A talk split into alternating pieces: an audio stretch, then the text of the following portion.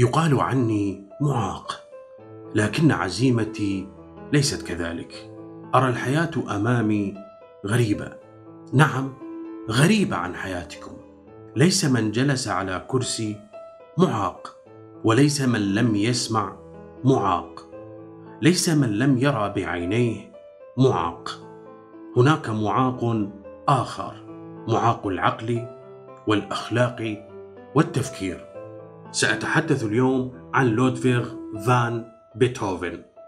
ونزل لنا الستارة أبو القياصر.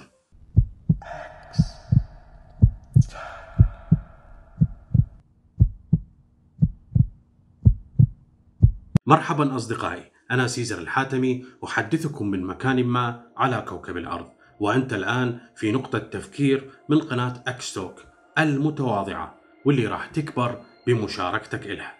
خلينا نبلش. ولد المؤلف الموسيقي الألماني لودفيغ فان بيتهوفن في مقاطعة بون سنة 1770 وقد اشتهر بسبب موسيقاه الرائعة وخصوصا مقاطع السوناتا وسيمفونيات الرباعيات وغيرها. لكن رغم هذا النجاح كانت حياته بائسة.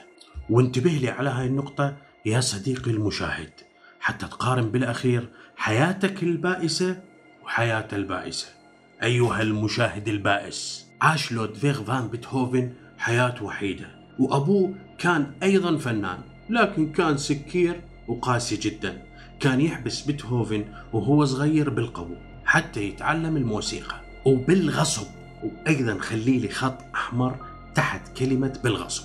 يوهان فان بيتهوفن اللي هو والد بيتهوفن كان مغني لكن اشتهر بإدمانه على الكحول. أكثر من ما اشتهر بالغناء. لكن جد بيتهوفن كان موسيقار مشهور جدا في منطقة بون. بدأ أبو بيتهوفن يعلم بيتهوفن الموسيقى لكن بعنف وصرامة. فتوقع كانوا يسمعون الجيران بكاء بيتهوفن وهو يعزف البيانو.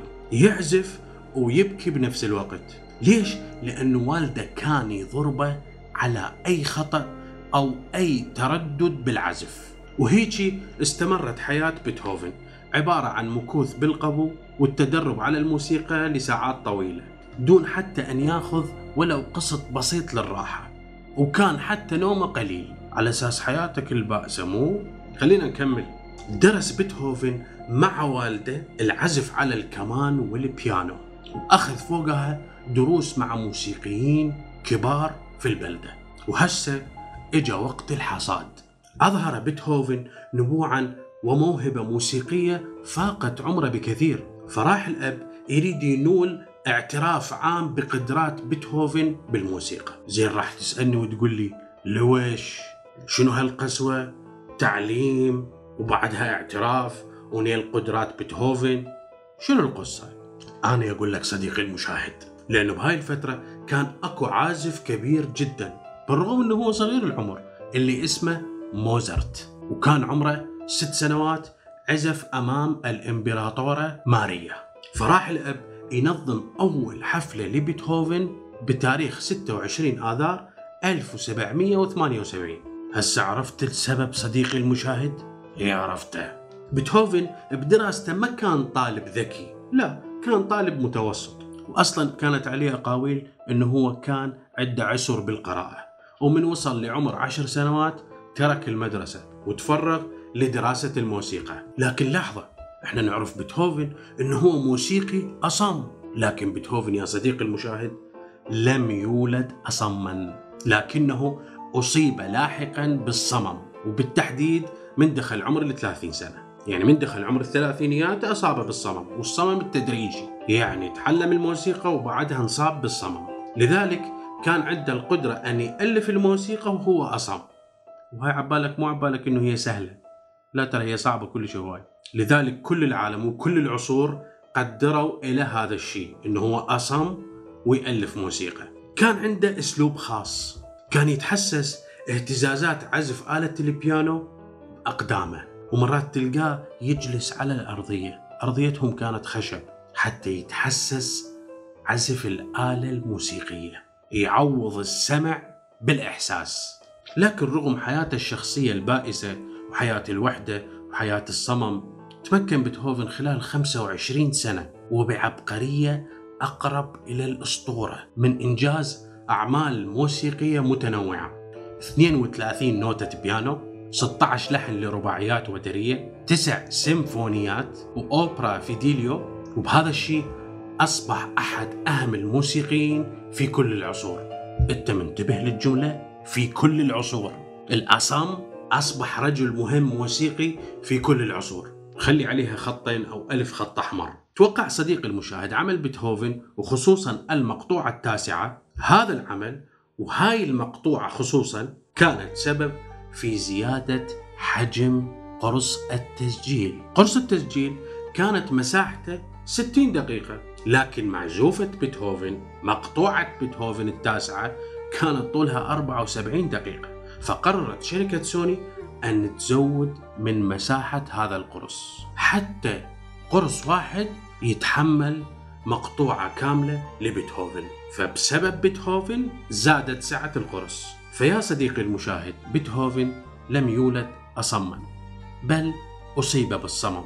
ولازم تعرف يا صديقي المشاهد أنه الإذن الموسيقية لو أصيبت بأي مرض بسبب تقل قدرتها ولو واحد بالمية فتلقى إلها تأثير كبير جدا في المعزوفات. لكن بيتهوفن من عزف الموسيقى وخصوصا المقطوعة التاسعة أو السيمفونية التاسعة كان مصاب بالصمم التام.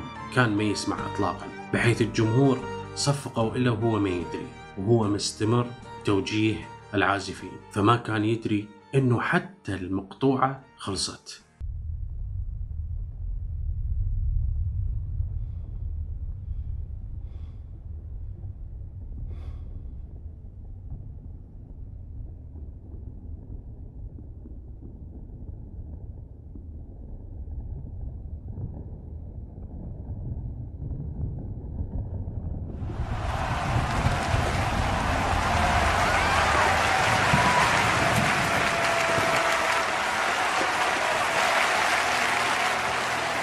وهذا الشيء اللي سبب في تعاطف الجمهور وياه. وفي اقتباس لبيتهوفن يقول يا لشدة ألمي عندما يسمع أحد بقربي صوت ناي لا أستطيع أنا سماعه كل هذا كان يدفعني إلى اليأس وكنت أضع حدا لحياتي البائسة إلا أن الفن وحده منعني من ذلك. لكن بات أما أنت لم تضع حدا لحياتك. اللي تقول أنت عليها حياة بائسة وهي حياة اعتيادية. لماذا لم تنهض بحياتك؟ إن كنت توصفها بائسة فهذا وصفك إلها. إن كان همك قوي بالإرادة تهدم الهموم والإرادة أمر سهل عند الرجال. لكن مع الأسف هذا الزمن قل فيه الرجال رسالتي في هذه الحلقة لا تصف فلان إنه معاق أنت ذو عقل معاق تفكيرك أصم وكلامك أعق وإن انتصر بيتهوفن على إعاقته فباوع زينب العقابي فقدت أحد أقدامها من كانت طفلة واليوم هي رفعت رأس. وحيذكرها التاريخ فعيب عليك إن تصف فلان بمعاق. ولو كان معاق فعلا فعيب عليك من شخص عنده معطيات قليلة وينتصر عليه. فعلا معطياته أقل لأنه الله راد هذا الشيء. وهو متغلب عليه. وشكرا لكل من شاهد وشارك الحلقة. ولا تنسوا عسى أن تكرهوا شيئا وهو خير لكم. أخوكم سيزر الحاتمي.